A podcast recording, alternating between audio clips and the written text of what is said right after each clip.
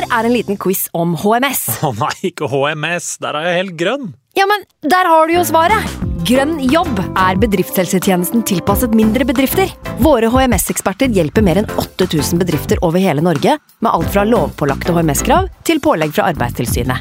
Få på plass bedriftshelsetjeneste på grønnjobb.no.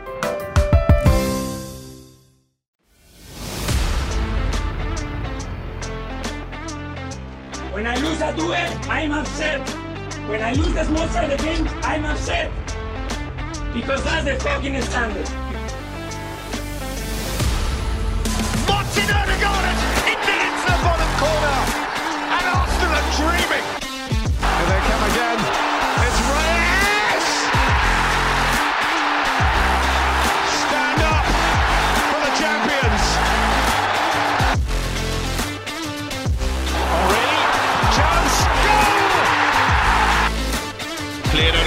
As Nelson has to get his shot right.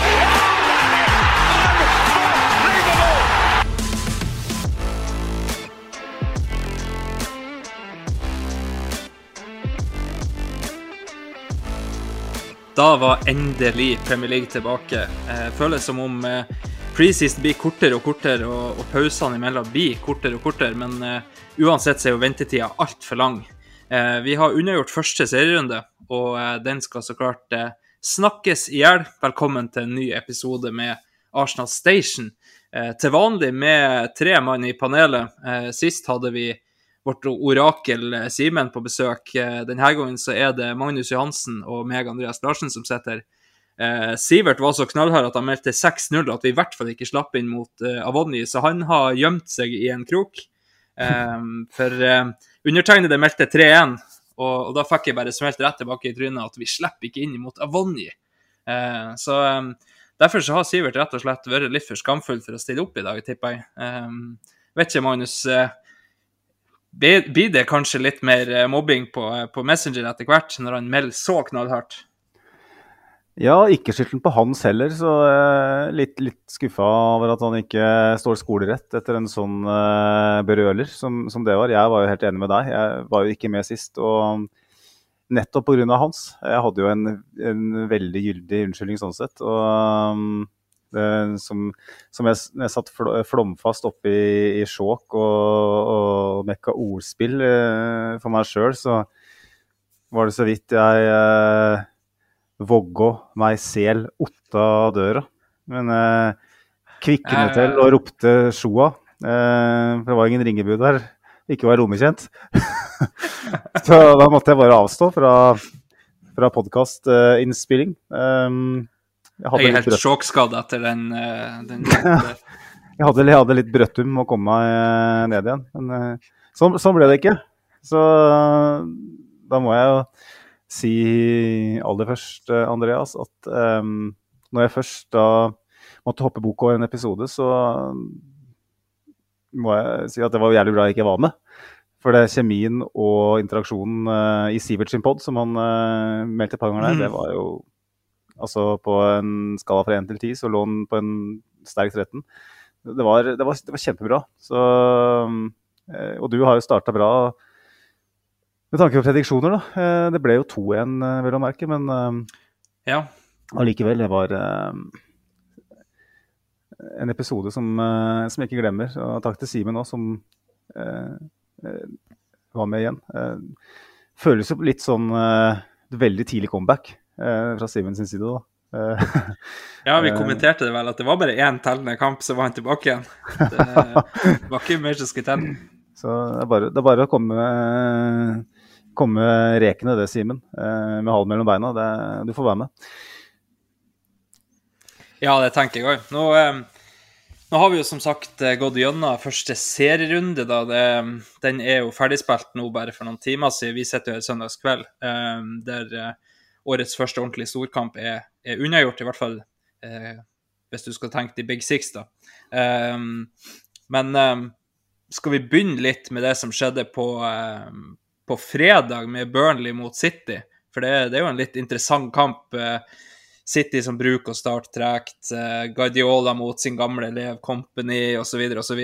Um, jeg vet ikke hvor mye du fikk sett av det. Jeg så jo hele kampen, og det var jo litt sånn klassisk eh, championship-lag da, som har spiller fin fotball i championship, kommer opp og er relativt naiv. Nå la han riktignok om til eh, ei fembackslinje, Company, men eh, det var forsvarsspiller som ikke sto til, eh, sto til stryk engang. Eh, så det jeg vil tro at imot såkalt røkler, nå har vi prata om det, at det er ikke så mange røkler igjen, men, men imot antatt uh, lag som er rundt de på tabellen, så kommer de til å ta masse poeng, for det var mye lovende der. Men, men mot topplagene så kan det bli stygt hvis de ikke justerer seg litt. Um, og Brauten så klart i gang med, med to skåringer. Jeg vet ikke hva du tenkte når du så resultatet der, Magnus? Jeg så vel kanskje en halvtime til sammen. Uh, litt dårlig nett der i der hvor elva gikk over sin bredd, der jeg satt. Og fikk sånn sett ikke noe særlig inntrykk av matchen også, så det må nesten du ta. Noterer meg og Det som er viktig for oss å kommentere, Andreas, det er jo først og fremst City og det faktum at de kom godt i gang, og at Brauten er i rute. At De Bruyne går ut skada, som en av mange i denne runden der. Eh, så det Carl Walker òg, da. Ja, ikke sant. Sånn at det Hele den matchen og alt som skjedde rundt, det er jo på en måte vorspielet til, til uh, festen. Uh, som egentlig ikke var en kjempefest, uh, hvis vi skal være helt ærlig, på Emirates da på lørdag. Som vi skal bruke mest tid på i, i poden. det er jo verdt å nevne at jeg så den kampen her òg i reprise. Jeg ser jo snart ikke en eneste kamp live. telefonen min er i flymodus snart hver helg, for det er ting som skjer jeg sa jo til, jeg sa jo til uh, samboeren min uh, på onsdag var det, når vi, når vi kom fram i Nei, når vi satt i sjokk, at uh, når Hans virkelig begynte å herje, at skal faen ikke forundre meg om vi veien åpner akkurat lørdag morgen, sånn at jeg sitter i bil når Arsenal serieåpner. Det ville vært en, en katastrofe i naturkatastrofen for min del, for å overdrive. Og det var jo nettopp det som skjedde. Så eh, Det var jo flymodus på telefon, og så matchen sånn i femtida rundt, tenker jeg. Eh, mm. var, det er jo alltid et litt antiklimaks å se en fotballkamp eh, etter at den er ferdig. Du, du vet at eh, det er bare Google, eller bare, det er bare å flekke opp telefonen én gang, den skrur av flymodus, så, så, mm. så, vet du hva som har skjedd. Men um, jeg føltes kanskje litt mer uh, feststemt når man så kampen i uh, live. Uh, Andreas, jeg vet ikke. Hvordan, hvordan, var det du opplevde seriepremieren på, på, Emirates? Nei, altså Vi kan jo ta det som på en måte var opptakten til det, da. Det, det nye billettsystemet på Emirates eh, krasja rett og slett når de skulle begynne å få folk inn på, på stadion. Um, så det første vi så når eh, når vi eh, fikk bilder fra Emirates, det var jo bare store køer utenfor eh, stadion. Eh, det var Jeg vil tro det var ca. 10 000 som var kommet inn når, eh, når kampen skulle ha starta. For det var ganske fullt på pubene rundt omkring, eh, så jeg gjennom vinduene der eh, på Emirates. Og så var det noen folk kommet inn. Men, men de mengdene som sto ute, så, så skjønte man jo at det her går jo ikke. Så kom jo meldinga om at kampen er utsatt en halvtime. Så var det jo mange som som meldte at det, det, er ikke snakk om, de får det ikke til på en halvtime. Og, eh, og i det hele tatt, det stemte jo, da. De, de sparka jo i gang eh, litt over to, eh, så det, det, stemte jo ganske bra.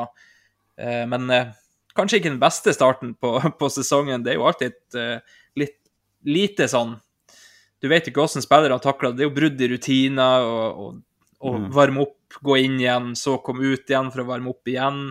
de holder seg jo varme underveis, så klart, men, men det, det har vel kanskje litt med det å gjøre at Arsenal brukte litt tid på å komme i gang, tipper jeg. Eh, ellers så liker jo Teta å starte ganske hardt. Eh, men eh, eh, som du sier, synd at Sivert ikke er med, for han, eh, han kan jo det her billettsystemet inn og ut. Eh, han har jo snart solgt like mye billetter som, som Ticket Office på, på Emirates. eller skaffa like mange billetter, kan vi vel si. Mm. Det er jo ikke han som selger dem.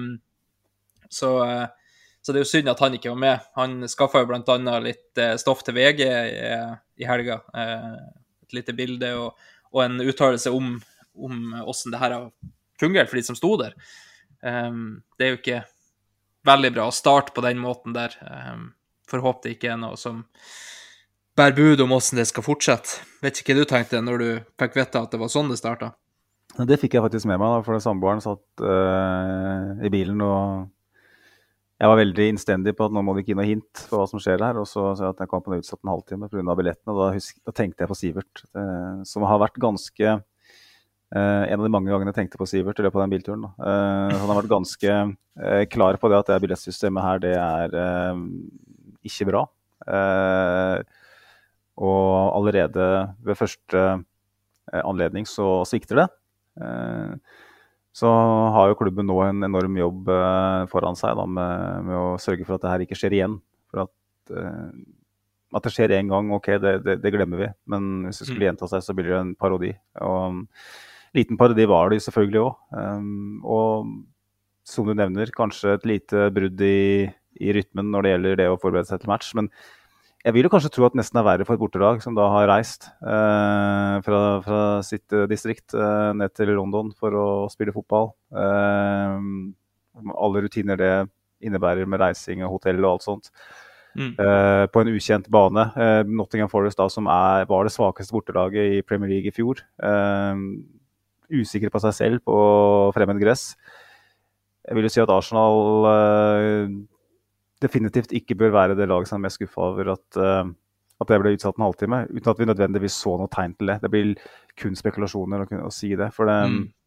uh, syns jo, jo, absolutt at Forest uh, møtte opp til kamp her. Uh, selv om de ikke prøvde å vinne fotballkampen, så møtte de opp og gjorde på en måte de tingene de har blitt enige om, relativt bra organisert defensivt. mens Arsenal kanskje så ut til å være mer prega, men jeg tror det handla mer om mangel på relasjoner i, innad i et nytt nykomponert, nykomponert lag. Eh, starten er vel eh, på hjemmebane i en, i en, sesong hvor for første gang på kanskje 20 år Arsenal er forhåndsfavoritter eh, blant mange. Mm. Så det er klart at det er mange faktorer som spiller inn her, og jeg tror ikke den utsettelsen hadde noe særlig å si. Nei, det er jo for så vidt godt oppsummert, det. For de som ikke har fått det med seg, så er det jo, så jo det her nye billettsystemet et forsøk på å få bukt med det der at folk eh, selger videre billetter i det hele tatt. For nå får du rett og slett en kode, det må være registrert på et medlem, eh, og du får en QR-kode som fornyer seg eh, ja, hvert tiende minutt, eller hva det er, eh, som gjør at du kan ikke screenshotte eller bare sende screenshoten til noen, eller så gjør det mye vanskeligere da, å selge billetter. De vil at det skal overføres mellom medlemmer eh, istedenfor. Så det er vel et forsøk på å få bukt med svartemarkedet som, som eh, gjorde at flere sleit med, med, ganske dyre priser for billetter i fjor. Eh, og så kan vi jo være enig med Sivert at det ser ikke ut som at det fungerte veldig bra, i hvert fall. Um, men vi, før det her ble utsatt, så fikk vi jo da eh, årets første startelver. Eh, der var det jo en liten overraskelse med at eh, Gabriel starta på benken. Det, det, var jo noen rykter om en skade der. Eh, mm. Selv om han hadde trena med laget, så var det rykter om en liten, liten skade som, som, kanskje gjorde at han skulle eh, miste kampen da, på, på lørdag. Men, eh, men, han satt på benken. Eh, det betydde at vi hadde party på høyreback. White og Saliba i laget i midtforsvaret og Timber på venstreback. Eh, ellers så var det vel kanskje litt sånn som vi hadde forventa, med, med Rice, eh, Ødegård, Havertz, eh, Saka, Martinelli og Enketia på topp. Eh, noen hadde vel kanskje trodd at eh, Havertz skulle få en ny mulighet. Eh, det, det, var kanskje litt Du trenger ikke å stå og slå så veldig mye innlegg mot elleve mann innenfor 16, liksom. Men jeg hadde kanskje forventa Trossare litt kjappere føtter og, og litt mer finteknikk. Um, jeg vet ikke du hadde sett for deg eh, angrepsrekka skulle se ut, Lesen? Nei, jeg forventa egentlig samme elver som mot uh, City. En kamp som var relativt godt gjennomført mot en helt annen type motstand. Uh, vel å merke, Men Ariteta har jo vist over tid at han gjerne ikke endrer på et vinnende lag. Uh, mm. Og kanskje er det på en måte Eh, det mest åpenbare forskjellen fra i fjor er den taktiske fleksibiliteten man innehar med de signeringene man har gjort. At vi må forvente at eh, når man spiller mot City en lørdag og Forest en annen, at det vil være en annen taktikk, det vil være en annen formasjon, det vil være andre spillere. Og vi fikk jo nettopp det. Eh, det gikk jo haugevis av rykter på Twitter eh, dagen før om at Gabriel var skada. Mm. Og så blir det tilbakevist uh, av veldig solide kilder, bl.a. det der Team News and Tix, hva heter det for noe, det der Twitter-kontoen. Uh, åpenbart en fyr som kjenner noen. Uh, Mm. Han treffer bortimot på alt, vil jeg si. Og blir ikke stoppa. Det er ingen som er inne og hindrer at han tweeter om det. Det er interessant i seg selv, med tanke på at klubben har blitt såpass lite transparent. Mhm. Men eh, Gabriel var jo da ikke elveren, eh, men satt på benken. Eh, og da ble det sånn OK, det er en småskala, da. Så blir vel Arteta konfrontert med det her, eh, og svarer vel at det er en taktisk eh, vurdering. Eh, Ja. Og da ble jeg nesten litt sånn usikker. Eh, hvor oppsto det ryktet? Eh, hvorfor nettopp Gabriel? Eh, Arsenal nå legger ut da grafikken sin dagen før om at eh, we ready, og så er det bilde av Gabriel. Litt sånn Mm. Pointed mot eh, de ryktene som har oppstått. Da. Ehm, så kanskje har noen fått snusen i at Gabriel vrakes fra start, og så har det blitt eh, delt eh, gjennom flere kanaler, eh, og, og så endra seg til å bli at han er skada. Men la oss ta utgangspunkt i at Teta snakker sant, det må vi jo tro. Det er veldig, veldig rart for meg og han å liksom eh, i hermetegn kaste Gabriel under bussen på den måten der, hvis han har småskada. For da er det jo mye Mm. bedre å si at han er det. Ja, og se, så- se det som det er i så fall. ja. Da kjøper jeg på en måte ikke helt den at han har vært småskada. Uh, og da syns jeg det er uhyre interessant at det er nettopp Gabriel som rakes. For at jeg har snakka om det i den poden her flere ganger. Uh, jeg har hørt mange andre snakke om det, at Gabriel er en helt utilnærmelig forsvarsspiller.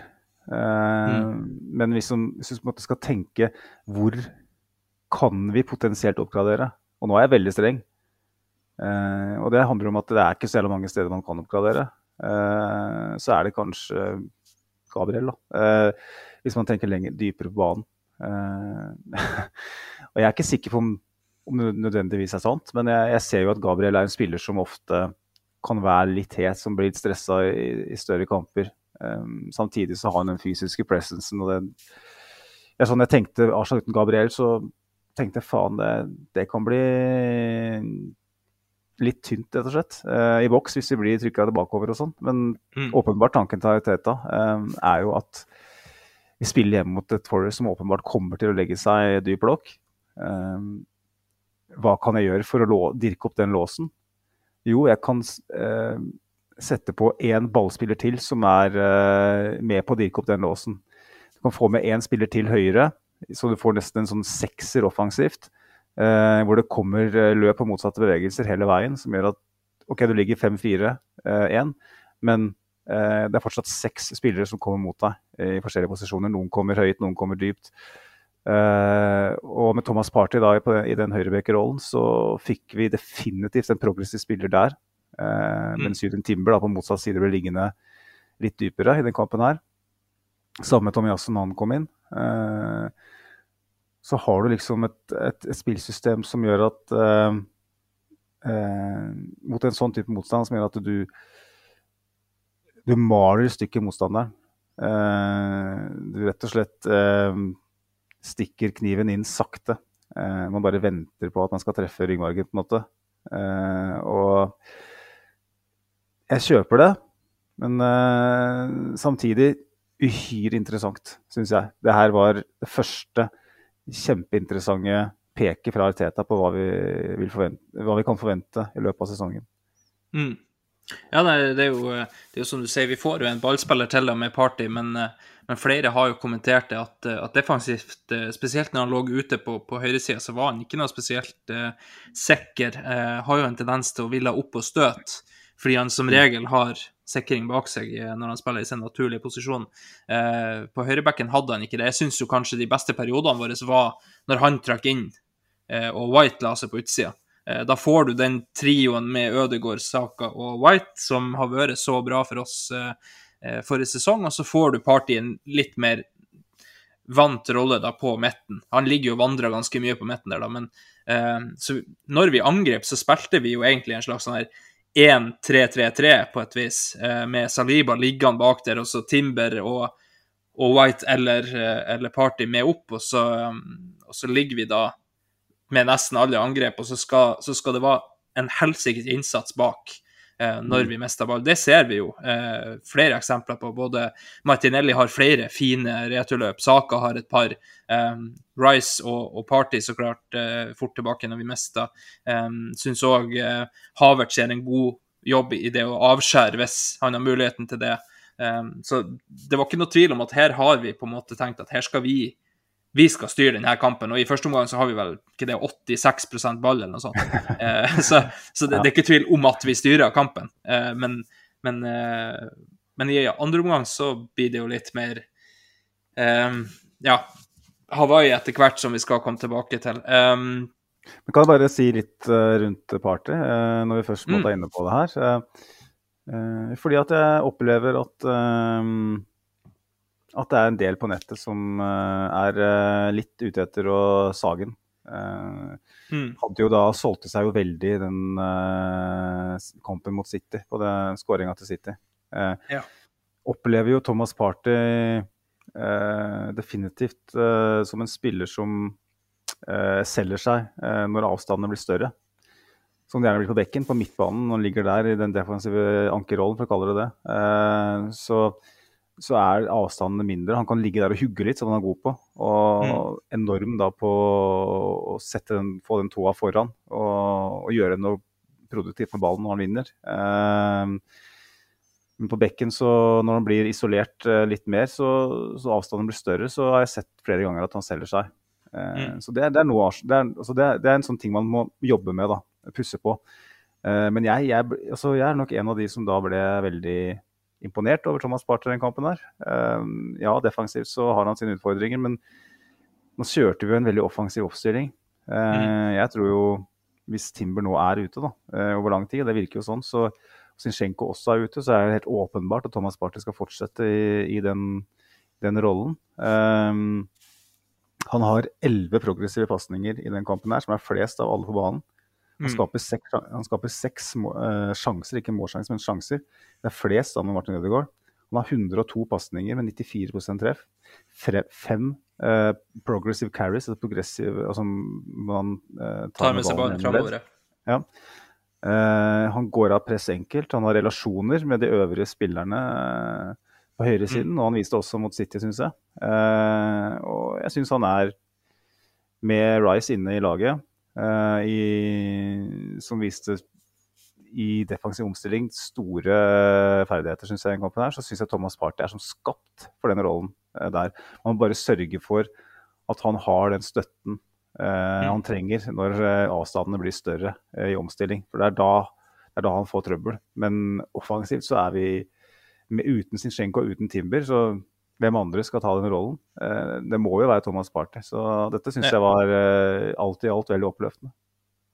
Ja, eh, nå når vi er inne på det her, så, så har jo Silje Svendsen, aka Trygdeturi, har jo da stilt spørsmålet på ikke på Twitter, for det heter jo ikke lenger.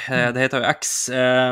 Hva tenker dere om Gabriel på benk? Det har vi vært innom, men jeg syns ikke Party løste oppgaven spesielt godt defensivt. Eh, relasjonen White-Saka, så kan vi jo kaste inn Ødegaard der òg, er også meget god, så savnet den. Um, Syns vi egentlig dekket det ganske greit her med at vi Altså framover så blir vi ikke noe dårligere av det, men, men defensivt så ser vi at han, han spiller som en midtbanespiller. Han er vant til å ha ei linje bak seg. Eh, og så er det der, når du gjør det som du sier, med mindre avstander, så treffer du oftere, og da vinner du oftere på det enn du tar mm. på det. Og det er risk kontra reward. Det, det er sånn det er. Uh, og, og, det er sånn Teta vil spille. Altså, vi, vi, skal spille med stor risiko, for det er da du tjener mest, når du, uh, når du får snudd. Um, og det ser vi jo de gangene vi får brutt, det ser vi mot City òg i Community Shield. Når vi bryter høyt og setter på turbo, så så er det faktisk perioder City til og med sliter med, med, å henge med. Um, så det er jo det som er tanken. Altså, vi, vi, må fortsette å spille sånn, og så er det så klart meninga å ha så godt um, skyts bak, da, at, uh, at, vi skal kunne takle det hvis det, hvis det pepler gjennom en ball eller to. Um, og så er det jo nettopp en ball som pepler gjennom ganske tidlig, uh, der ja. uh, spissen til, til Nå husker jeg ikke hvem som starta, for det var ikke Avonji. Det var Brenn, Johnson som var gjennom der. Johnson, ja. Mm. som eh, plutselig får alle tiders mulighet eh, alene med Ramsdale. Eh, det er jo ei klarering som heades opp, og så syns jeg han gjør, det veldig bra, eh, forespilleren, som får såpass mye kraft på, på headinga gjennom ledd der. Eh, og så setter de opp ei sperre på Saliba som ikke får gått helt ut eh, for å blokkere. Eh, kanskje ikke Jeg syns ikke han gjør alt han kan heller for å komme seg imellom. Han tenker vel at her har vi høvelig kontroll. Ja. Eh, og så, er plutselig Johnson gjennom alene og må jo sies gjør Altså, han kunne ikke gjort det så veldig mye dårligere enn det han gjør. Altså, skuddet er ikke i nærheten av på mål, og, og det er rusher, og det er altså litt mer is der, så drar du av keeper, eller bare vipper den over og i mål. Eh, men, eh, men klarer ikke å, å få den på mål. Det var jo et, eh, et lite skremmeskudd, selv om det var det eneste skremmeskuddet i, i første omgang. Eh, da tenkte jeg jo at eh, oi, eh, skal vi skal vi være så åpne, liksom? Er, er det bare én ball gjennom? For det er jo litt det samme som mot City. Eh, det var en touchy fra Tierney som, som tilfeldigvis landa hos Kevin De Bruyne, som får den videre til Palmer, og så er det ganske dårlig, det som skjer etter det. Men, men eh, det er liksom Skal det være bare én sånn ball, liksom, så er det, så er det åpent eh, og, og rett fram til keeper? Jeg syns Ramsdale gjør veldig bra der. Ting han har gjort Mm. dårligere i preseason med å bli stående. For blir du stående i en sånn situasjon, så er målet veldig stort. Uh, han kommer ut, i er så stor, stressa angriper, nok til at han skyter utfor. Så jeg syns Ramstead skal ha skryt i, i den situasjonen Mm. der. Jeg vet ikke hva du tenkte når du Ble du litt nervøs i, i eh, sofaen? Du kom jo hjem, uh, har jo kjørt som et svin for å komme hjem uh, for, å, for å se kamp.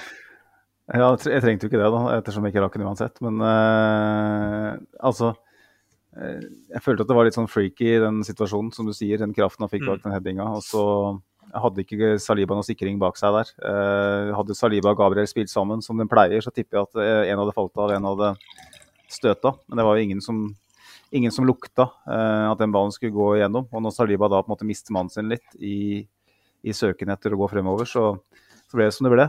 Uh, Brenn Johnson er en spiller jeg frykta. Han og Gibbs White var liksom de to jeg noterte meg før match. Og Gibbs White eh, for øvrig en spiller som jeg har ekstrem sansen for, som jeg tror kommer til å spille for en topp seks-klubb. eh, Jeg tipper Mm. allerede neste år. Uh, hadde en par helt ville involveringer i denne kampen her òg, uten at det ble Mm. ført til noe. Uh, så glad for at Forest uh, ikke fikk til mer enn de gjorde. Men uh, det, var, det var et skikkelig skremmeskudd, og litt sånn kaldt gufs fra, fra kampen mot Bournemouth og mot uh, Southampton. Og da slapp vi den mye tidligere, da, men likevel, det å få en sånn kalddusj mot et Mm. lag man skal slå, og så blir det en sånn uh, topp man må bestige for å vinne den kampen. Da. Man gir den lillefingeren til, uh, til et lag som, som trenger den lillefingeren. ikke sant? Forest Mm. de, de møter jo opp egentlig bare for å håpe på at, at, eh, at Fru Fortuna spiller på lag. ikke sant? Altså, de, går jo, de reiser jo ikke til Emirates for å prøve å vinne, de reiser til Emirates for å holde igjen tett og håpe på at de har de marginene som skal til. At de Mm. får en sånn eh, breakthrough, ikke sant? Eh, og at de da klarer å holde unna. Og de fikk det nesten. Og med tanke på alt vi allerede har snakka om, det er ikke sikkert vi hadde snudd det da. Så takk og lov, altså. Ja, det, det kan man jo absolutt si. Um, etter det så er det jo uh, en, eh, en to-tre sånne små uh, sjanser. Vi får en del hjørnespark. Um, uh, vet, jeg husker ikke noen sånne store sjanser egentlig mellom det og 1-0. Eh, Turner har jo et utspill som blir blokkert, men det er sånn jeg ser ikke på det som så heftig som det de kommentatorene gjør. Det er jo sånn Med en gang eh, noen er borti et utspill, så går det ut eh, til, til utspill igjen, så, eh, så er det liksom Oi, oi, oi, oi, oi, ikke det du gjør det? Altså, ja, den kan fære potensielt hvor som helst, men da er sjansen større for at den drar et annet sted i mål. Så jeg tenker jo Godt å se at Eddie er såpass våken der og, og pressa, men ellers så, så var ikke det en jeg reagerte på sånn sett. Men men plutselig så er jo da eh, Martinelli på skikkelig tur. Eh, tar med seg eh, Kommer jo egentlig feilbein først, tar med seg ballen ut igjen. Eh, kjører en sånn skikkelig eh, 360 rundt der og, og hæler den inn til en Kettia. Eh, folk får jo diskutere så mye de vil eh, om det var med meninga eller ikke. Jeg er jo enig med Pål André Helland der at han bruker jo ikke hæren der hvis, hvis han skal ha den med seg sjøl. Eh, for da er den ballen borte, da, når du, når du toucher den. Um, Og Eddie han bare klemmer den inn via, eh, via en forespiller, vel, også i nærmeste. Eh, og Turner på vei feil vei. Um, så um, da står det 1-0, og plutselig ser vi kjempekomfortable ut. Um, vet ikke om du har lyst til å, å hype opp det målet enda mer, uh, for uh, så hypa ble det ikke ut at jeg prata om det, i hvert fall. jeg syns jo målet oppsummerer Martinelli mer enn det oppsummerer Nketia uh, i kampen. Uh, syns Martinelli i første omgang nesten snus på en tier. Han var mm. helt, helt ellevill. Altså, Duracell-kanin er på en måte et uh, utvaska begrep som det har gått inflasjon i. Men uh, akkurat Martinelli så syns jeg fortsatt det passer. Uh, fordi at han er Strømmen er på hele veien. Han er samvitt, samvittighetsfull nede og, og vinner ball flere ganger, faktisk, i, mm. første omgang. og han kanskje, kanskje da for å eh, legge til rette for at, at, du kan ha en Kai Havertz da i den kall det Sjaka-rollen. Eh, og han er overalt. Eh, en venstreside som egentlig ikke funka, syns jeg, eh, offensivt. Det er rett og slett for mye nytt. Eh, det er relasjoner som mm. skal bygges. Eh, Mariteta sa jo 55 kamper til 60 kamper eh, før det her sitter. og det Håper jo ikke det går så lang tid, men jeg skjønner hva han mener. Og Martinelli tok rett og slett krumma nakken og tok ansvar på egen hånd. Jeg kan, ikke, jeg kan ikke oppsummere på noen annen vis enn det. Jeg hadde ikke Martinelli spilt på venstresida av den kampen her, så hadde vi ikke eh, klart å skape noe som helst fra den sida. Eh, og han hadde mange gode involveringer, men den her er jo i særklasse, selvfølgelig. Og om han mente det eller ikke, det, det skal jeg ikke bli meg ut på å svare ordentlig på. For jeg føler at eh, nå har vi snakka i, i alle fall åtte måneder om at Martinelli og, og Nketa ikke finner hverandre. Eh, så at mm. da plutselig Martinelli skal begynne å hælflikke baller gjennom til GTA i boksen, som da drar av en mann og vanker ned mål, det Jeg vet ikke. Eh, men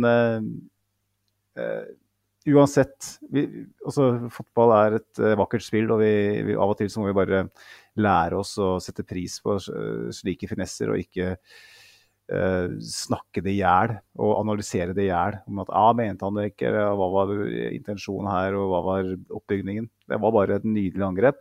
Mm. Og en Eddie Nketia som er på rett plass. Uh, det var jo ikke noe sånn veldig god avslutning, men jeg uh, syns jo uh, hvor kjapt han reagerte med å, da, å skaffe seg skuddlege, var imponerende. Mm. Og veldig viktig for Nketia, som har en ganske lav stjerne i fansen akkurat nå, uh, mitt inntrykk. Uh, mange har gitt han opp rett og slett, og vil heller beholde Balogun. Vil heller se Trossard, vil heller se Havertz. Mm. Så er det Nketia som starter. Overraska meg, det skal jeg, skal jeg innrømme. Men en fin scoring og ja, sånn til syvende og sist det som faktisk vipper kampen den veien den skal for oss. da. fordi at det var på en måte inspirasjonskilden til til den gode perioden, den ene gode perioden vi har i kampen. Eh, kan jo du sikkert eh, si litt om Saka-skåringen da, og eh, de 20-25 minuttene som fulgte. Ja, for, eh, for Saka-skåringen kommer jo bare sju minutter etterpå. Um, da er det jo eh, en William Saliba som får eh, Eirik Bakke meldte det vel som en, en veldig billig assist, eh, og det, det, skal vi vel være enig i. Eh, Saliba som er ute og, og vinner tilbake etter et hjørnespark, eh, ute på, nesten på hjørneflagget. Eh, får den tilbake, får spille den til Saka, og så drar han seg inn. og Vi har prata litt om det her i sommer. Saka sin egentlig litt nyfunne evne til å være litt mer egoistisk. Eh, vi så det mot United i fjor. Eh, vi har mm. sett det ved flere anledninger at nå går han faktisk for det um, sjøl. Ikke bare det der finne ei nydelig pasning eller ned til dørlinja og legge tilbake. Eller, uh, nå, nå, er han faktisk Og det er jo grunnen til at nå vet ikke hvordan de skal stoppe han. Uh, det er så enkelt, det ser så enkelt ut, er vel lettere å si. For um, altså, vi ser jo, vi, vi som kjenner han, vi ser jo hva han skal. Eh, det, det, det, er liksom sånn Det stopp, start, stopp, og så starter igjen. Så plutselig er de borte. Martinelli gjør det samme på andre sida. Det skal ikke være så enkelt, men når de kan gå begge veiene, så, så blir de så usikre, forsvarsspillerne. Jeg har eh, jeg spiller sjøl høyreback, jeg vet hvor jævlig det er når du vet at en spiller er såpass uh, god både innover og utover. Um, for du vet ikke hvilken side du skal vise han til. Uh, og, og, det skjer jo her. Saka drar seg bare innover banen og så sier han bare 'takk for kaffen' og, og legger den oppi, oppi bortre hjørnet der. Så det er Turner som bare Altså, det, det målet blir så mye bedre av at Turner går etter den. Eh, for, for, det ser så nydelig ut det der når du får den i, i reprise der og Turner ligger i, litt i strekk og, og, ikke når bort. Det ser så mye bedre ut at han bare står der. Eh, det er sant, altså. Turner, han, han, ligger på bakken etterpå og bare Åh, det var ikke det her jeg skulle, liksom, tilbake på Emirates. Um, noen, de sa vel faktisk at det der er hans Premier League-debut. Han spilte ikke for Arsenal i Premier League. Nei, um, å få sin Premier League-debut på Emirates, og så få to sånne mål bak seg Det første er litt uheldig, for han får en deflection som gjør at han er på vei feil vei. Uh, men, uh, men, det andre er Altså, han kan ikke gjøre noe med det. det han må stå to meter lenger til, til, høyre, og da åpner han plutselig nærmeste. og Det ser Saka dag, så det er ikke det, det er ikke noe, Du kan ikke gjerne med når, når spillere er så gode. Det er litt det samme som Palmer-målet da, jeg, imot City. Jeg, jeg klandrer ikke Ramsdale for det det er rett og slett bare et nydelig skudd. Um, ja. Så um, Nei, det, det, er vakkert. Og, og, som du sier, fotball er, er, et vakkert spill av og til. Uh, og, og, det er det her som gjør at vi, vi, vi ser på det. Um, personlig så var det vel en, en slags sinnssyk latter i, i, stua her når, når, den der går inn. Jeg, jeg var helt, uh, helt, i himmelen akkurat da. Um, og som du sier, vi har 25 minutter etter det fram til pause der vi er unplayable. Altså, Forrest får tak i ballen, og to sekunder etterpå har vi den tilbake igjen. Uh, det, det, er så krise å spille imot et sånt lag. For du føler deg så mye mindre enn de Når de sprenger og tar deg igjen, uansett hvor du er, så tar de deg igjen. Og det er ikke nøye hvem det er, for noen. alle tar deg igjen. Uh, og, og, vi har flere gode sjanser, og, og kun kanskje har gått enda litt hardere for nummer tre. Um, med tanke på at det er 20 mm. minutter igjen til pause når vi skårer nummer, uh, nummer to.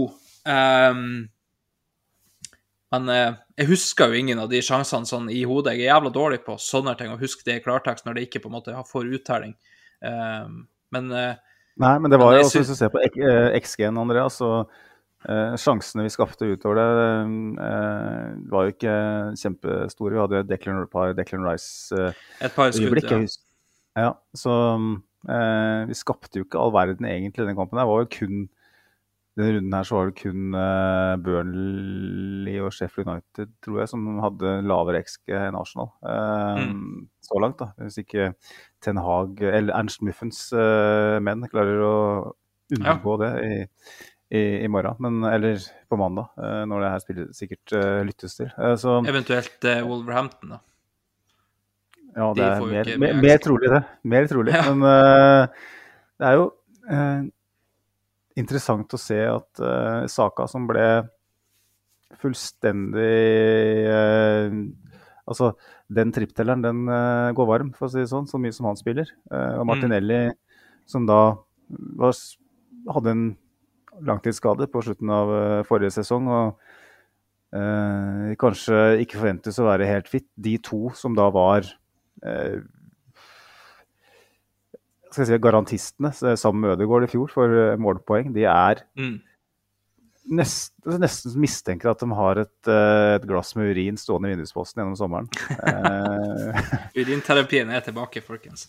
Ja, den er tilbake. Eh, fordi at de har eh, konsumert et eller annet i, i sommer, eh, eller gjort noe jævlig riktig i, i sommer. for de to virker å være Altså Eh, nesten som man mistenker at de piker for tidlig.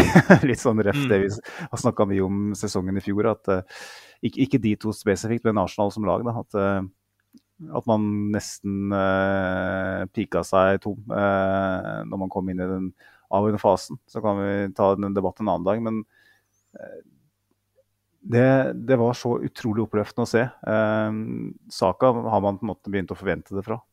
men Martinelli mm. er bare det her var nesten et nytt nivå fra Martinelli, syns jeg. Eh, den første gangen der er kanskje det beste jeg har sett fra ham. Uh, og det Det er klart det, er lett å bli historieløs, uh, spesielt når det har gått hver dag. Uh, to og en halv måned sånn fra forrige tellende kamp. Da er det lett å, mm. å, ta litt av. Men jeg kan nesten ikke huske å ha sett en mer komplett omgang av Martinelli noen gang. Og så når du tillegg da Saka, så tenkte jeg at nå de, de, minuttene du refererer til her, er, her kommer bare til å smelle igjen og igjen. Uh, mm. Men uh, allikevel eh, Men man gikk jo allikevel da til pause eh, med en, en vond smak i, i munnen, rett og slett. Eh, Mm. Og jeg kom meg egentlig aldri helt opp på hesten etter det. Uh, Juryen Timber-skaden, det gjør det her til en uavgjort for meg, nesten. altså. uh, for den så ikke bra ut. Nei, den gjør ikke det, altså. Um, jeg ser jo enkelte enkelte melder Vi kan ta eh, innspillet vi har fått på den, da. Michelangelo eh, eh, At Michelangelo på, eh, på X eh, har, eh, har spurt oss hva tenker man om Timbers sin skade. Noen kontaktskader er ofte alvorlige kneskader. Om man er ute f.eks. seks måneder, så forsvinner mye av fleksibiliteten vi har i forsvar, særlig hvis Tierney også forsvinner, noe som er ventet. Og så, så må jo jeg først si at det her er eh, Altså, det er en kontaktskade, for det er i den taklinga han tar i første omgang, eh, der han får skaden. For når han er, i hvert fall jeg som satt og fulgte med ganske nøye på hvor han tok seg hen, hvor, hvor det var liksom de fokuserte, så på vei av banen eh, etter han har fått eh, medisinsk tilsyn i første omgang, så tar han seg til baksida av, av kneet, høyre kne. Eh, og det er der det smeller. Du ser at det smeller når du får den slow motion og rygger bakover der. Det er ei scene som, som hopper over der. Um, det som gjør at det ser så stygt ut, eh, og som gjør at jeg frykter at det her eh, er nok snakk om måneder eh, heller enn en uke. For i hvert fall sånn som man har sett det her tidligere. Hvis det her er hamstring, og hvis det der er, er noe som ryker, eller noe som brister, eller et eller annet, så tar det lang tid å komme tilbake igjen. Eh, ekstra ille er det jo at han sett så forbanna bra ut i, i preseason. Um, har liksom glidd inn i laget helt sømløst omtrent, og, og, og kan løse ting både på høyre og venstre. Eh, det er liksom Det har gitt oss så mye å, å signere han, og så er det det som gjør denne skaden så skummel, er jo at det skjer jo uten noe spesiell belastning, uten noe ny kontakt, uten at han strekker seg. Eh, det er liksom bare at han, han jogger baklengs, og plutselig ser du at det smeller. Eh, og med en gang jeg så det der, at det bare stoppa opp for han, at han bare kollapsa, og da, da bare nei nei, nei, nei, nei, nei, nei, nei, nei. Det der er ikke bra. Eh, og så er det samme kneet han holder seg til på baksida. Det, det, er antageligvis eh, snakk om hamstring eller korsbånd på, på kneet, og det, det går lang tid eh, hvis det er noe som er røket der. Eh, spørsmålet er jo da hvorfor kom han utpå i andre omgang. Eh, de må ha bedre kontroll på enn som så. Når, når det er der han har vondt, så tenker jeg første serierunde, da får han hvil, altså. Eh, to, jeg syns jo ikke Tomiyasu gjør seg borti når han kommer inn, så hvorfor kunne ikke han ha kommet inn før, da? Eh, i, I pausen allerede. ikke ta noen sjanse. Men, men, men, hvis, også, jeg er ingen doktor, Andreas, eh, eh, men eh, Og derfor stiller jeg spørsmål til deg. eh, Ja. Men, men For jeg lurer liksom på hvis, hvis eh, forløpet er den situasjonen fra første omgang, Mm. er ikke skaden allerede skjedd da? Kan du gjøre det verre hvis altså jeg bare, Det hva, hva, hva, hva, hva gjør du? Jeg, jeg, best, jeg, jeg tenker Ja, det er nettopp det. Jeg tror jo det at um, La oss si det, i, i verste fall så brister han da, i første omgang, og så ryker det. La, la oss si at det er utfallet her. Eh, for, for det virka jo som at han Jeg tenkte jo OK, det der er bare en smell, liksom, for han småhalta av banen og kommer innpå igjen slutten av, eller siste sekundene i første omgang. tenker jeg, OK, det der var bare en smell. For han fikk jo beinet under seg i den taklinga, som gjør at han får en fucka vinkel på det. Um, og for all del, det her kan være bare vridning i kneet, eller altså, det, det er umulig å si, men han tar seg til baksida der. Og det er det som er så skummelt. Um, og som du sier, skaden kan godt ha vært skjedd i, i, um, i første omgang der. Nå, nå er ikke jeg Altså, jeg er mye rart, uh, i hvert fall sånn som dere fremstiller meg på Messenger av og til, eh, så er jeg mye rart, men doktor er jeg ikke. Uh, fysio er jeg i hvert fall ikke. Uh, men, men jeg har en kompis som er fysio, um, og jeg har ei tante som er fysio. og Jeg har vært litt interessert i det der med Spesielt med tanke på skader jeg har hatt sjøl når jeg spiller, så, så har jeg vært veldig interessert i hvordan det henger i hop det her. Og uten å se at det er rett det jeg sier der, så, så syns jeg den der ser veldig, veldig stygg ut. Eh, og det, det er ikke sikkert det gjorde det verre at han kom ut, men det gjorde det i hvert fall ikke bedre eh, at han kom ut på i andre. Så um, det kan godt hende at det ikke hadde vært noe forskjell uansett. Men for, for meg så er verste scenario der eh, brest i, i hamstringen eh, første omgang, og, og at den røk i, i andre. Um, sånn som jeg ser det akkurat når han, når han stoppa opp der. Eh, for, for, hvis du følger med der, så ser du scenen hoppe. Eh, når, han, når han får den smellen, og når du ser at han stopper helt opp, så, så ser du et eller annet som hopper over der. Um, og det er aldri et godt tegn. Så Nei, kjempe, kjempesynd. Uh, han har vært fantastisk for oss i preseason. Og um, får jo bare satse på at, uh, at, jeg ikke har rett i mine dommedagsprofetier her. At, um, for spåmann er jeg i hvert fall ikke. Så um, det, det vil jo. Om det er spåmann, det får vi svar på i, i mai. I mai. Du har jo vært ute og spådd for veldig kort tid siden. Men uh, interessant å høre betraktningene dine her. jeg har ikke vært så interessert i det der sjøl. men med det antall kneskader som har oppstått denne mm. helga her. Første runde i flere store ligaer, så, så, begynner man å lure litt. Da. uten at jeg, jeg, tror ikke den Timber-skaden kan hva skal jeg si, ja, kobles til en større sammenheng. Men Militao røk vel sitt korsbånd, og så har du vel Tyron Mings som så ut til å gjøre det for Villa. Og så hadde du Buendia ja. som har gjort det på trening. Mm. Eh, Villa har jo vært veldig hardt råka, da. Det skal sies. Stakkars Unai har vel fått en enda verre start på sesongen enn han, gjorde det i 1920, om det i hele tatt er mulig. Ja. Eh, Men eh, altså, hvis han trenger en som kan vikariere for uh, Mings, så har vi en Rob Holding stående klar, altså. Det ikke, skal ikke være noe problem. 30 millioner pund, så får han han. Ja, ja, det er klart det. Uh, Rob Holding, han, han, kan gjøre en jobb, men vi har jo tross alt Gabriel nå som har fått eh, holding-jobben, så da, da, trenger vi ikke holding mm. lenger.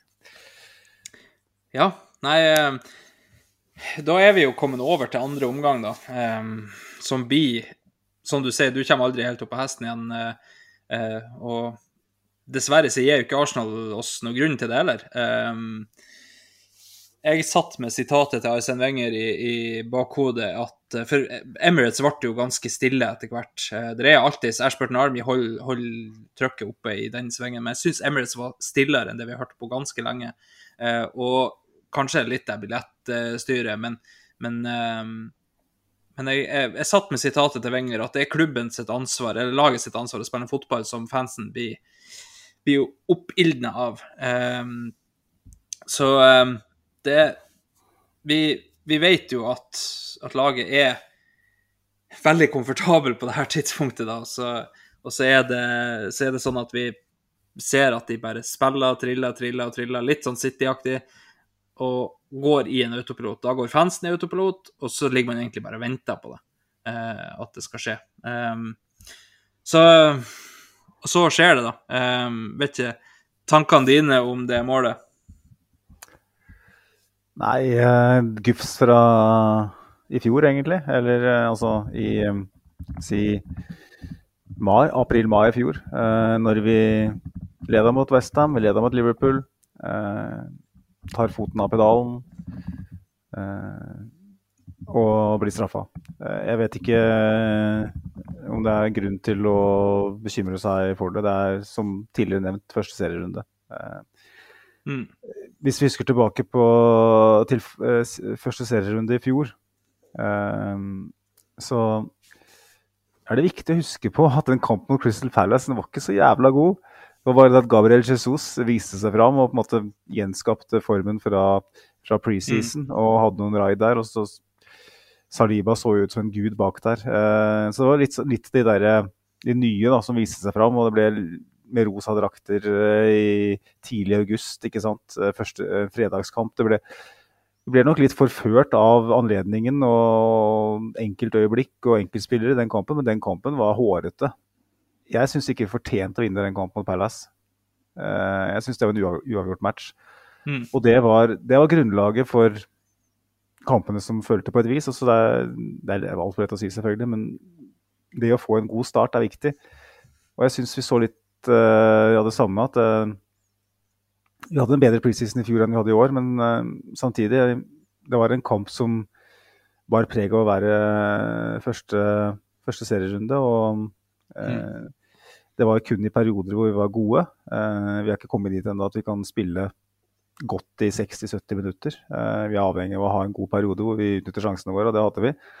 Men jeg syns allikevel at eh, med tanke på feigheten til Forest og eh, det voldsomme overtaket vi hadde, 86-14 som du nevner, som er vel, det er vel kun City som har hatt mer eh, ballbesittelse i Premier League-æraen. Eh, og som alle vet, eh, så er jo det et eh, luftslott bygget av eh, skitne penger eh, med 115 eh, siktelser osv. Så, videre.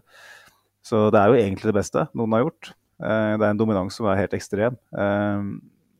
Og da er det kanskje litt, litt betenkelig i noens øyne da, at vi at vi ikke klarer å drepe kampen, og at vi slipper dem inn eh, på den måten. Jeg tror bare det er Jeg syns det er for tidlig å liksom si at det her er en trend, eller at det her er noe vi skal bekymre oss for. Jeg, jeg noterer meg på en måte at eh, OK, eh, Mm.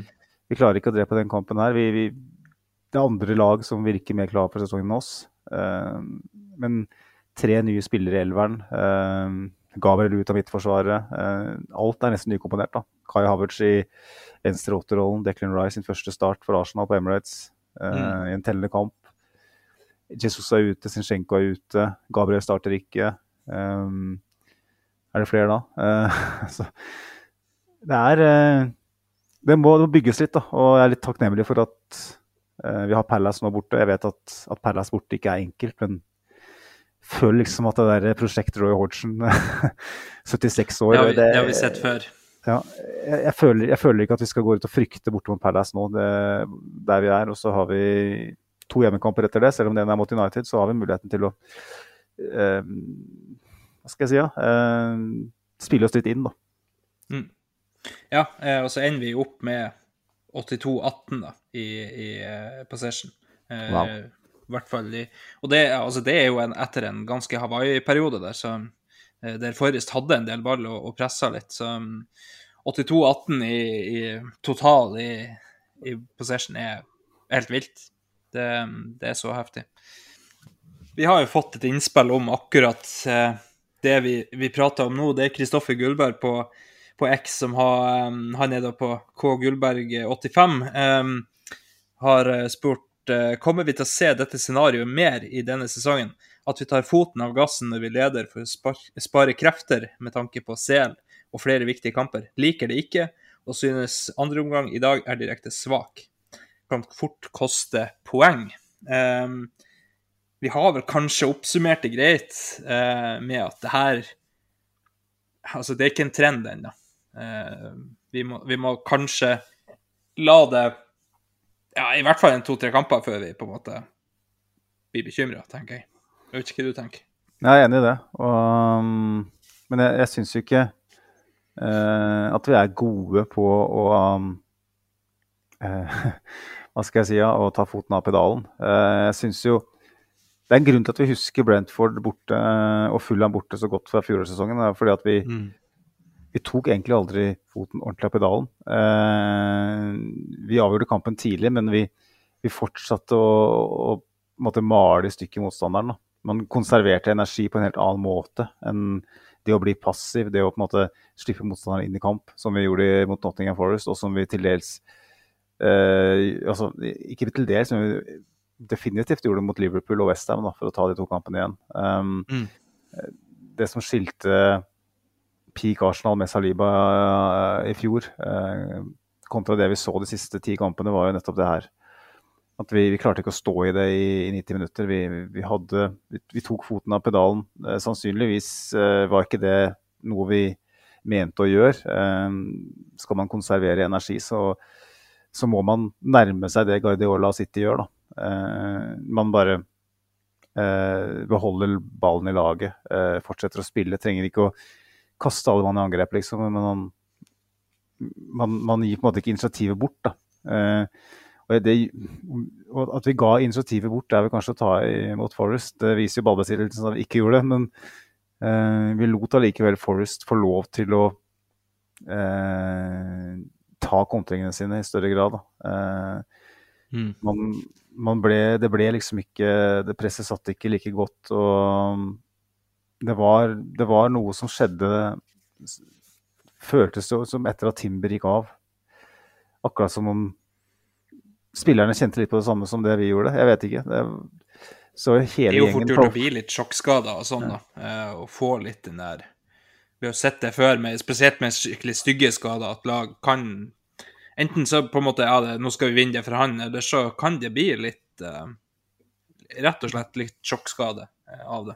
Um, eh, nå har, jo, eh, har vi enda et innspill som går på det her med forskjellen på første og andre omgang. Det er jo eh, Dial Norge, som er ett eh, Dial understrek klubb. Um, spillet i første omgang minnet mye om eh, fra sist sesong. Andre omgang begynner å minne meg på alle kamper hvor vi har rotet bort tre poeng, og vi må eh, begynne å lære å punktere kampene en gang for alle. Eh, god første omgang, veldig temposvak andre omgang. Det er jo egentlig oppsummert da, det vi har, eh, har prata om her. For det er, um, det er sånn at vi er ikke, som du ser, vi er ikke noe spesielt gode på det.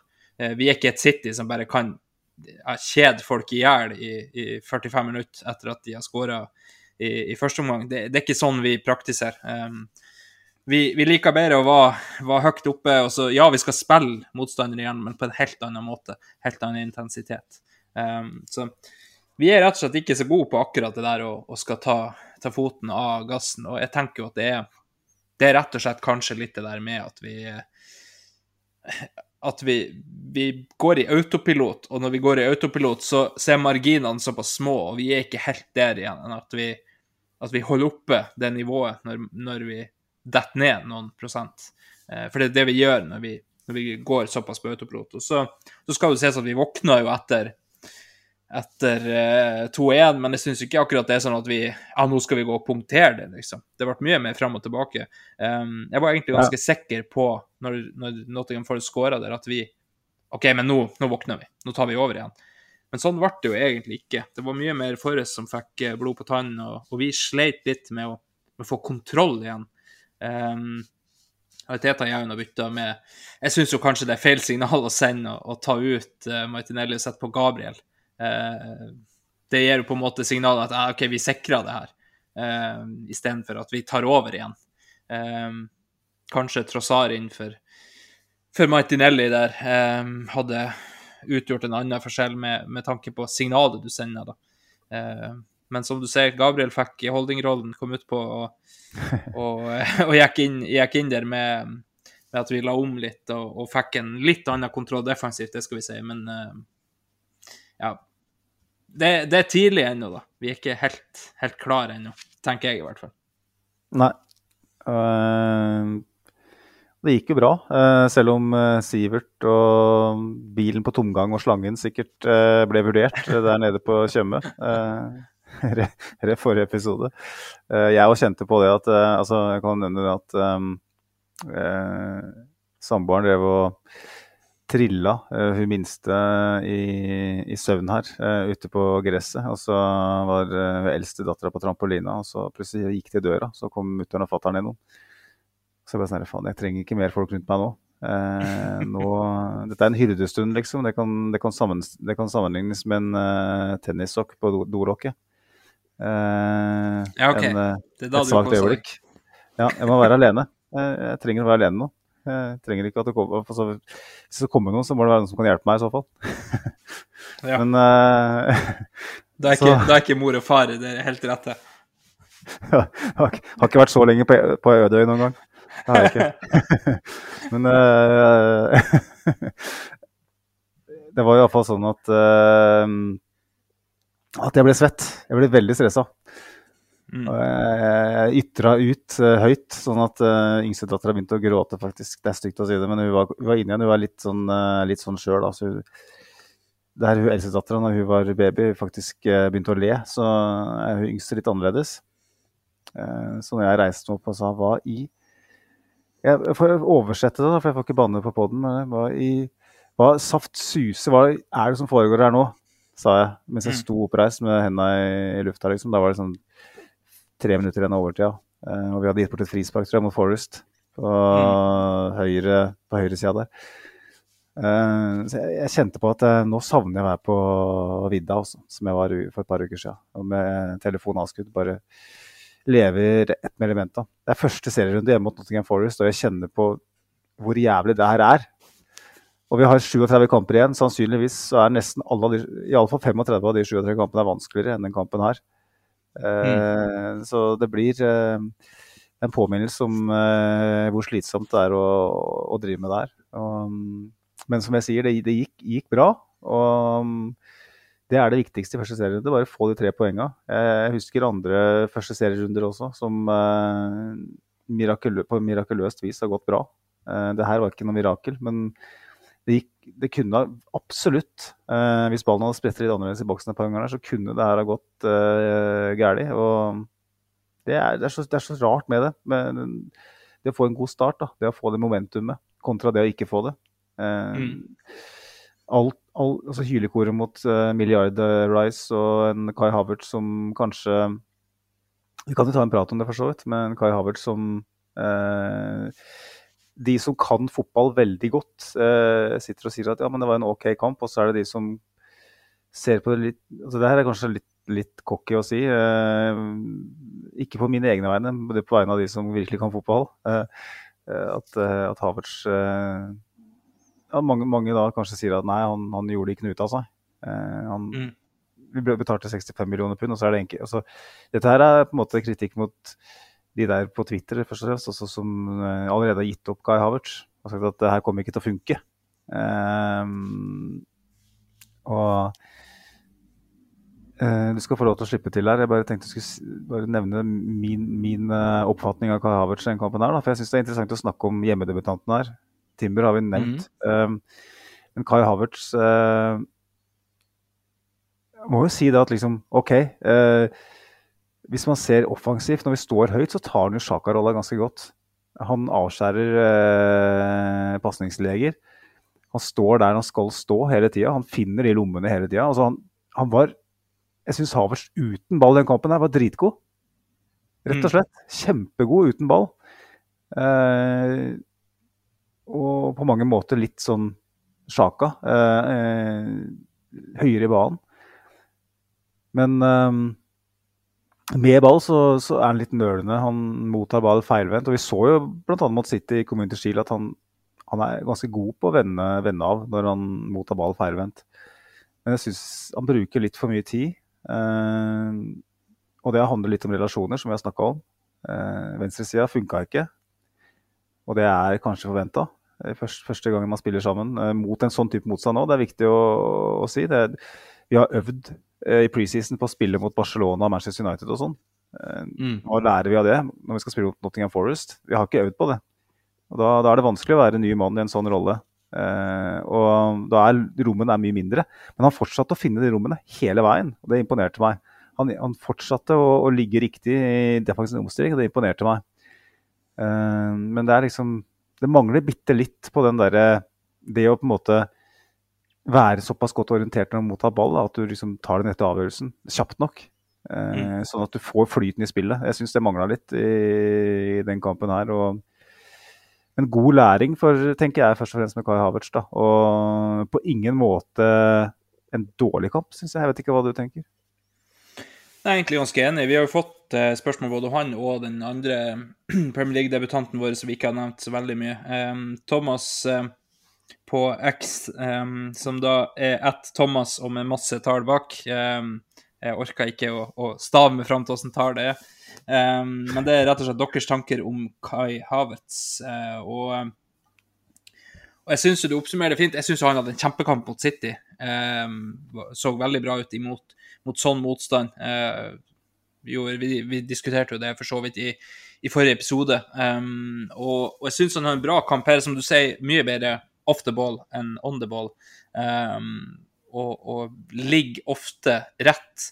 Um, jeg nevnte det så vidt i innledninga her òg, at uh, jeg syns han skjærer inn de gangene han kan skjære av, så skjærer han av, Uh, og gjør en god jobb der.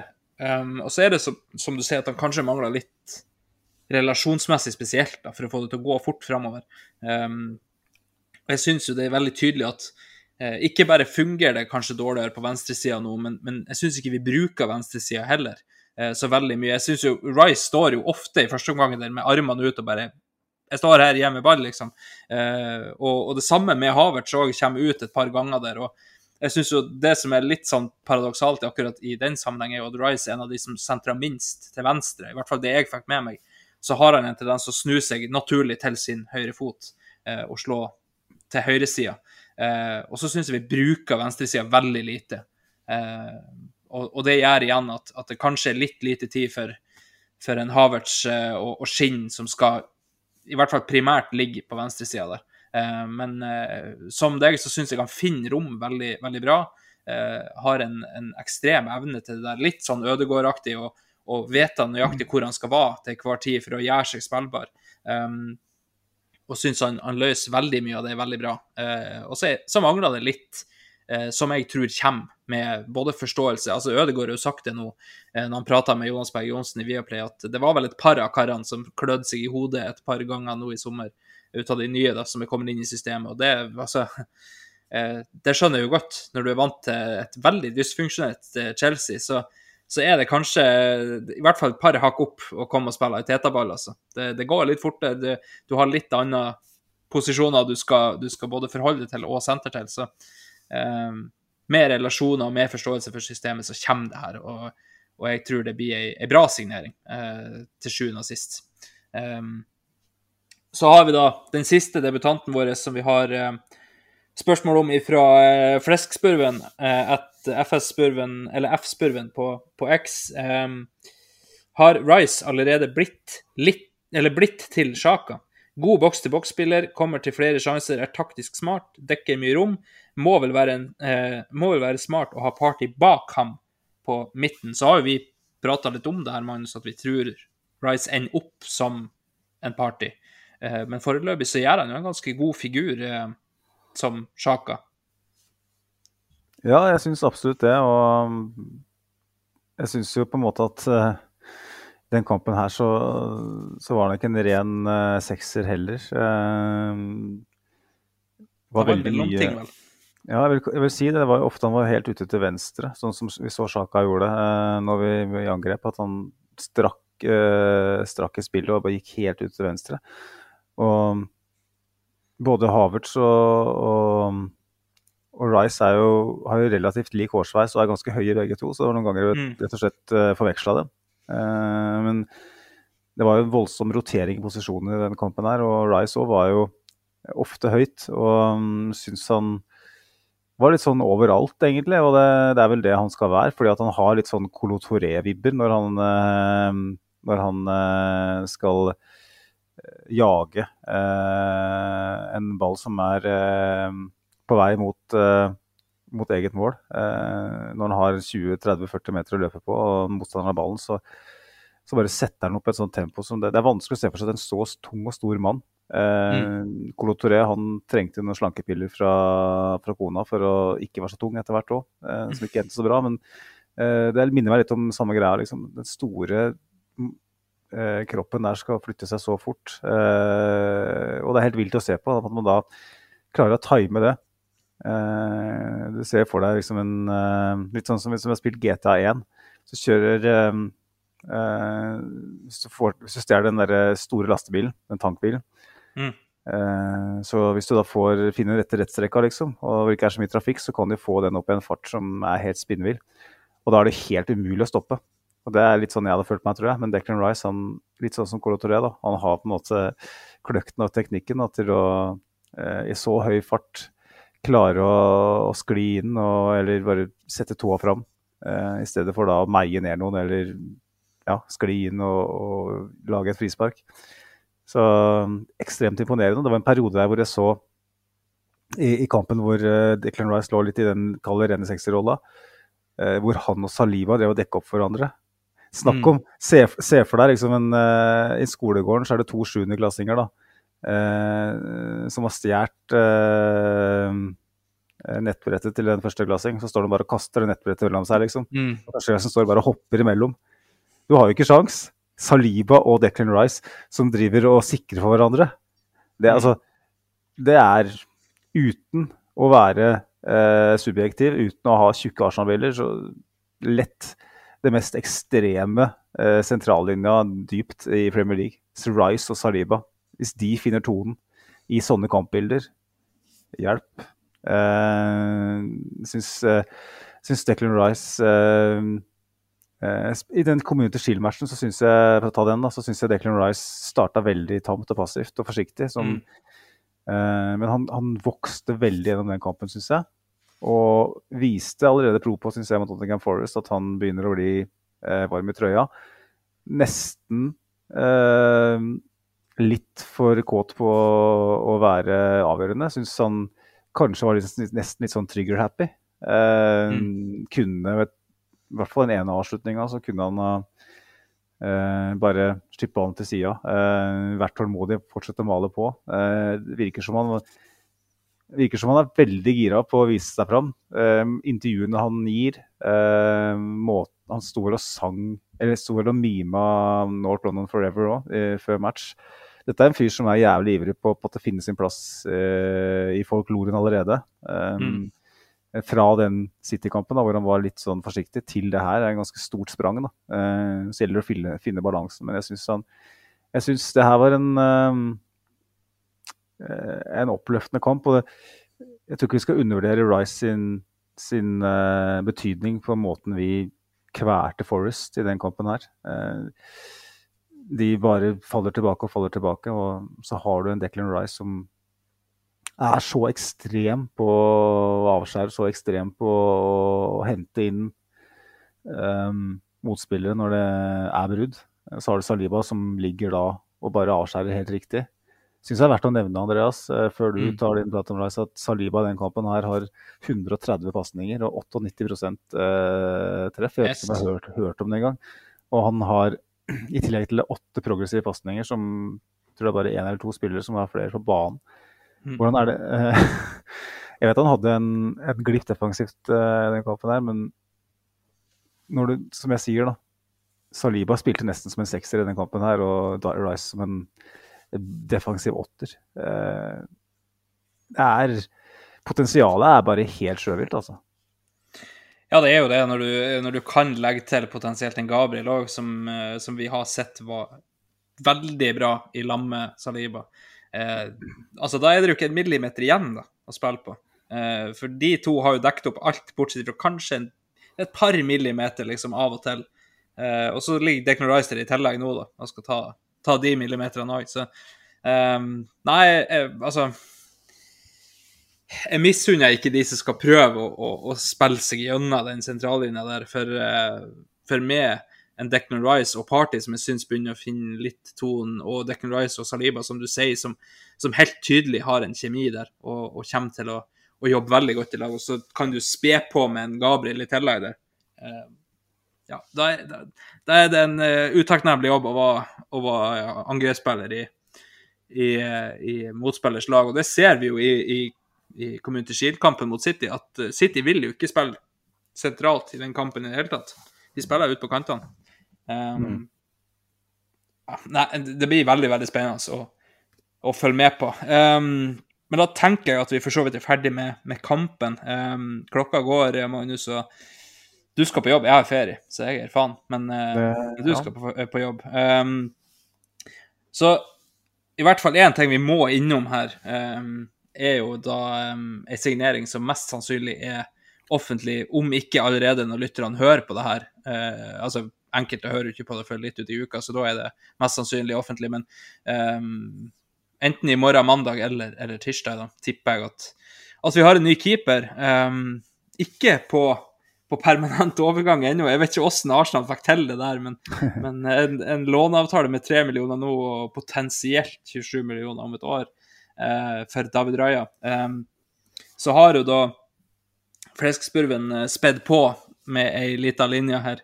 Hvem tror dere er førstekeeper 1.10? Um, så kan jeg starte med akkurat det. Jeg tror at det er Ramsdale. De sier jo det i England, at eh, det er hans skjorta mest, på en måte. Eh, Og jeg tror fortsatt det. Jeg tror du, du, du ødelegger ganske mye hvis du, hvis du kjører Ramsdale ut på direkten, på en måte. Eh, og så skal de pushe hverandre. Eh, og så skal vi se litt hvordan det her, eh, det her utvikler seg. Plutselig så er Raja bedre enn Ramsdale på trening allerede. og altså, Da skal man ikke utelukke at, at det blir bytte. Hvis det er stor forskjell på de på trening, så skal det bare mangle. Vi er en klubb nå som, som skal ha de beste i, i, hver posisjon til å spille. Så enkelt er det bare. Um, så da, da, tenker jeg at foreløpig tenker i hvert fall jeg at det er Ramsdale si, si skjorte, og så skal Raja prøve å ta den av, sånn som Ramsdale egentlig gjorde med Leno. Um, og så får vi bare se hvordan det utspiller seg. Eh, så lenge Ramsdale takler det her eh, greit, og Raja takler det greit, så er vinneren oss, klubben.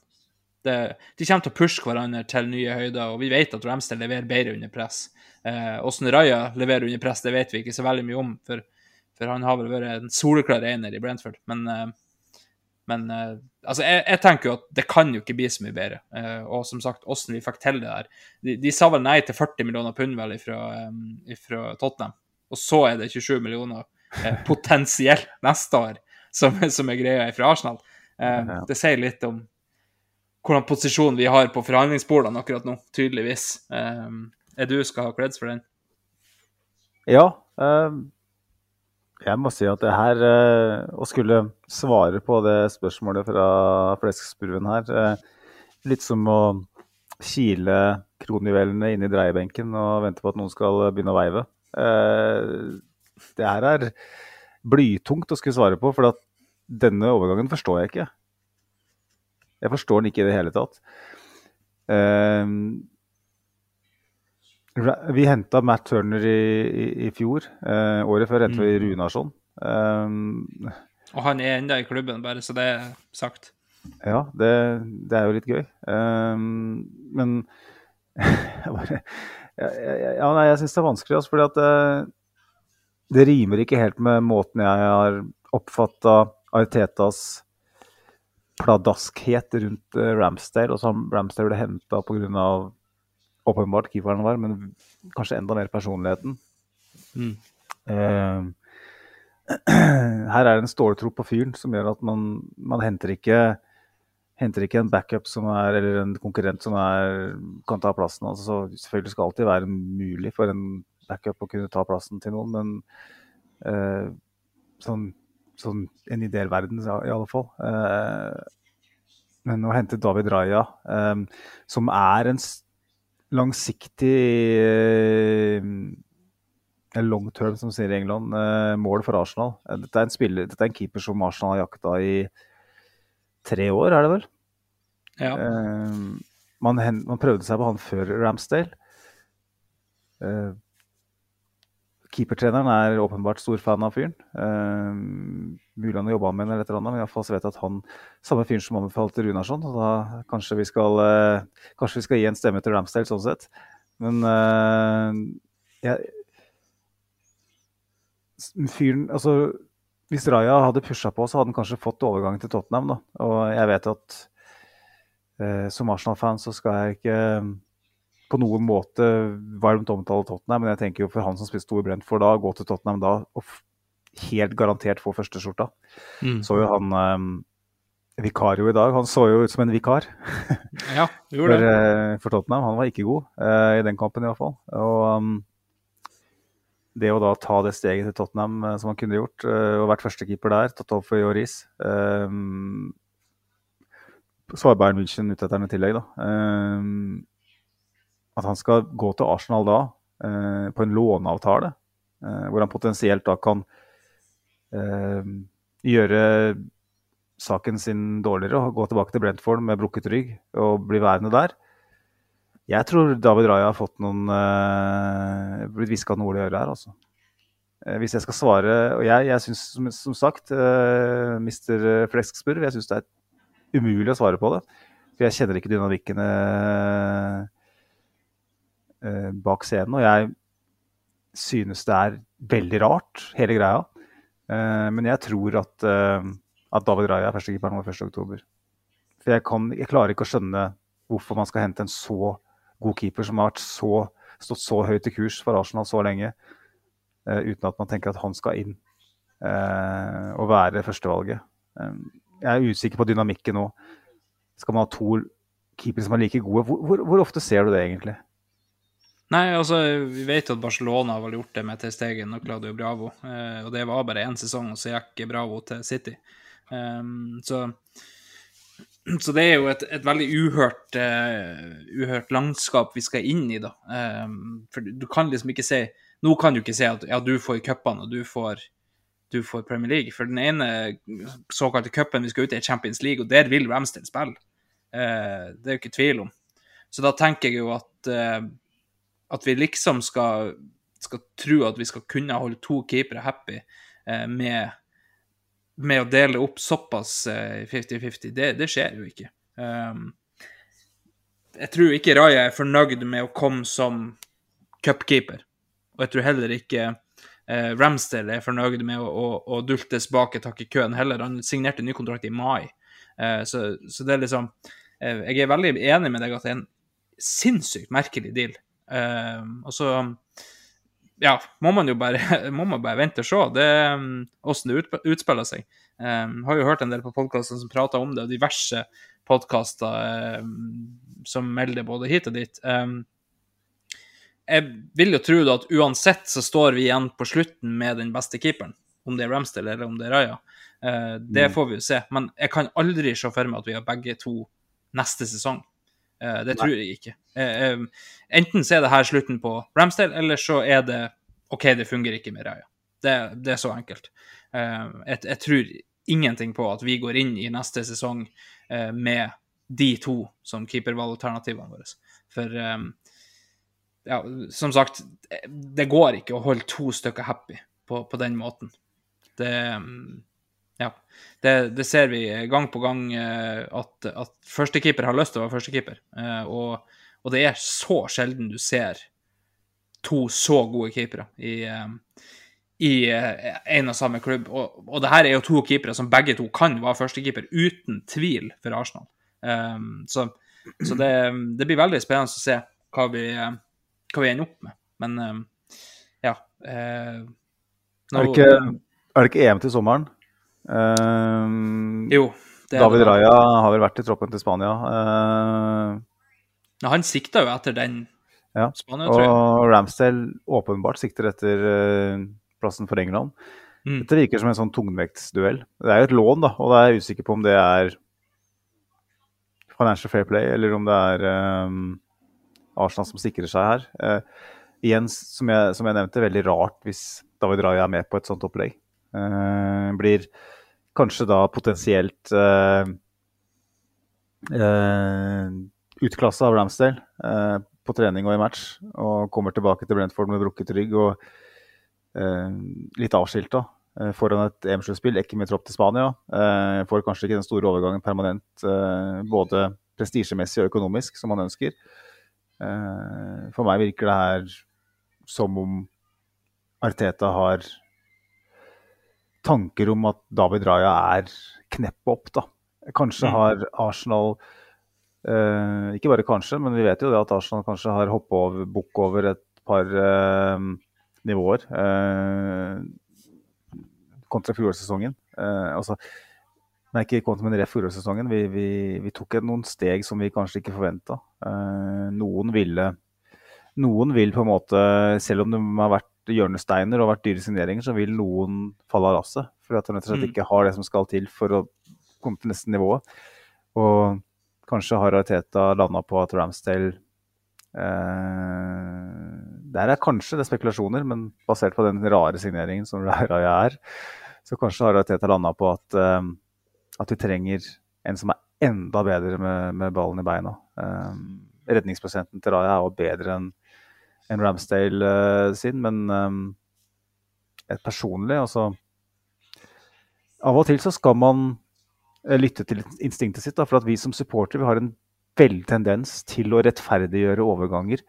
Um, bare prøv å huske tilbake til den første reaksjonen din når Kai Havertz ble linka.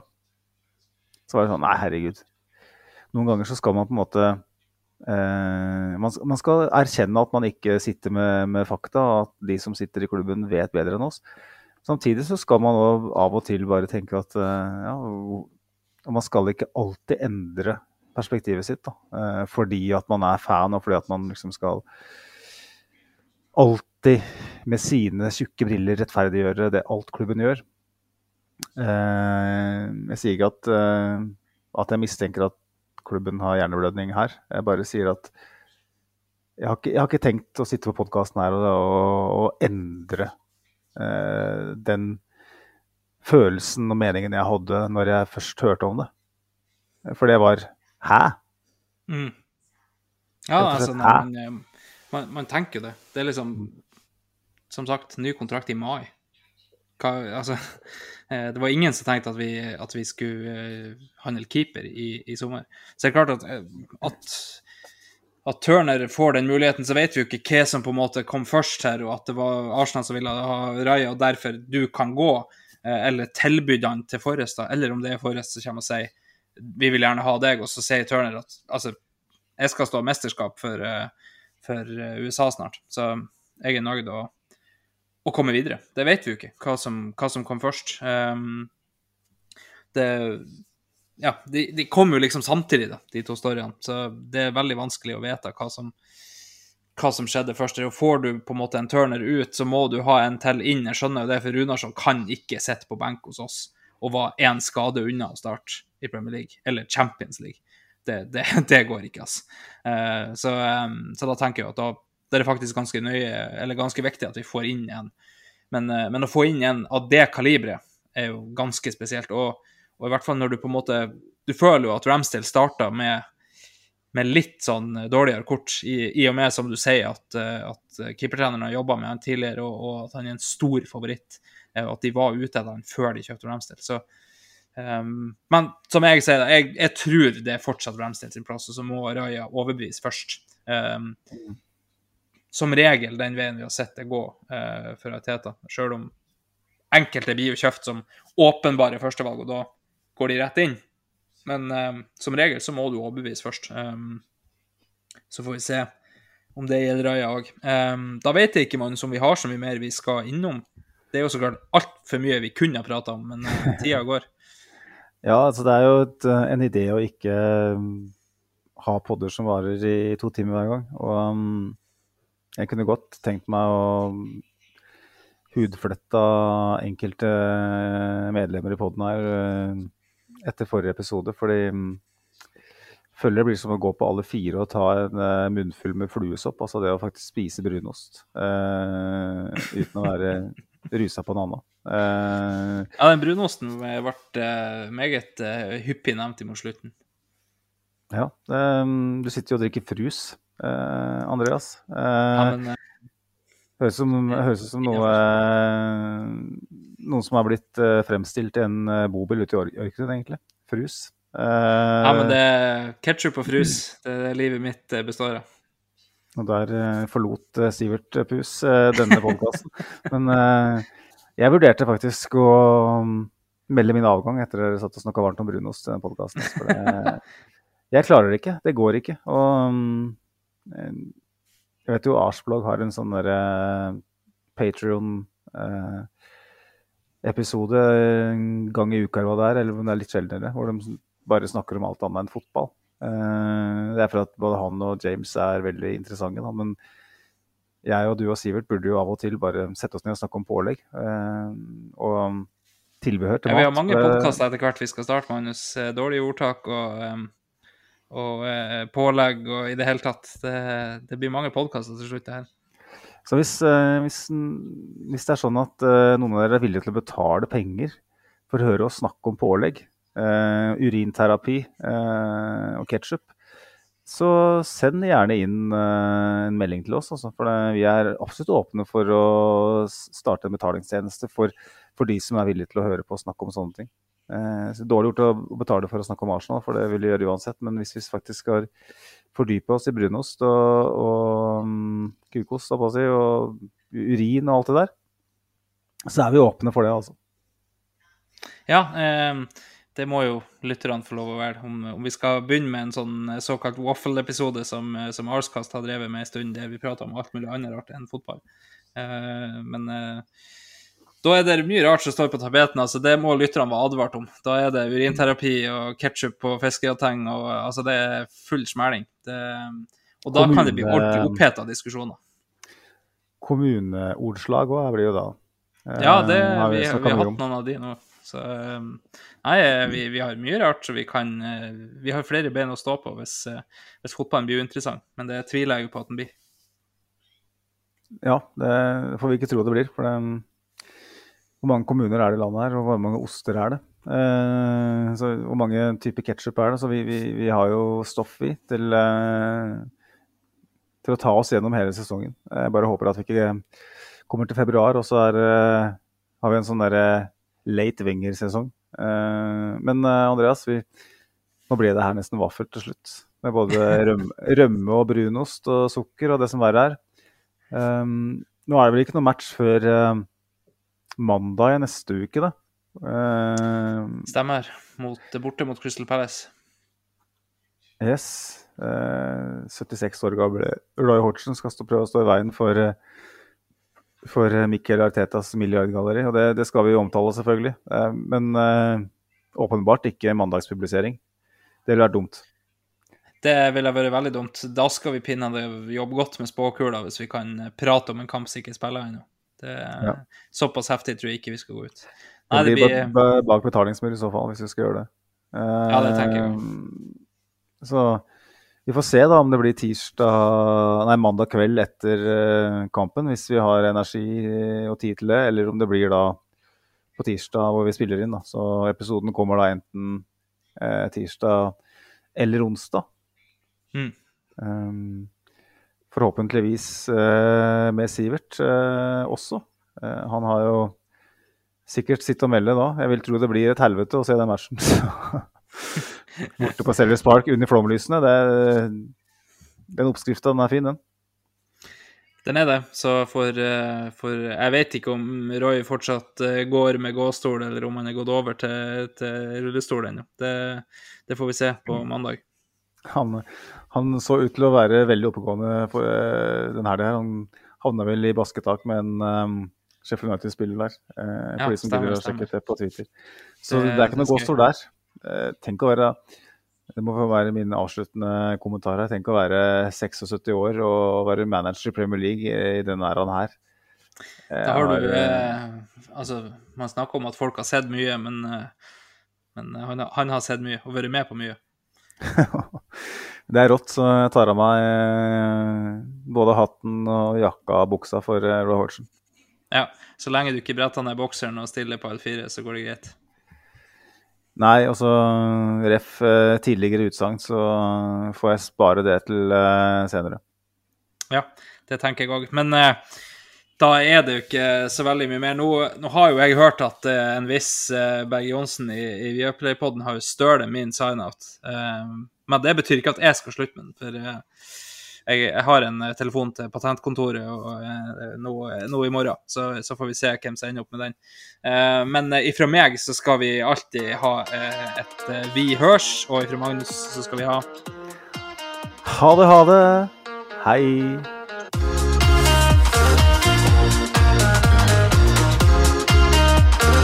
This train terminates here.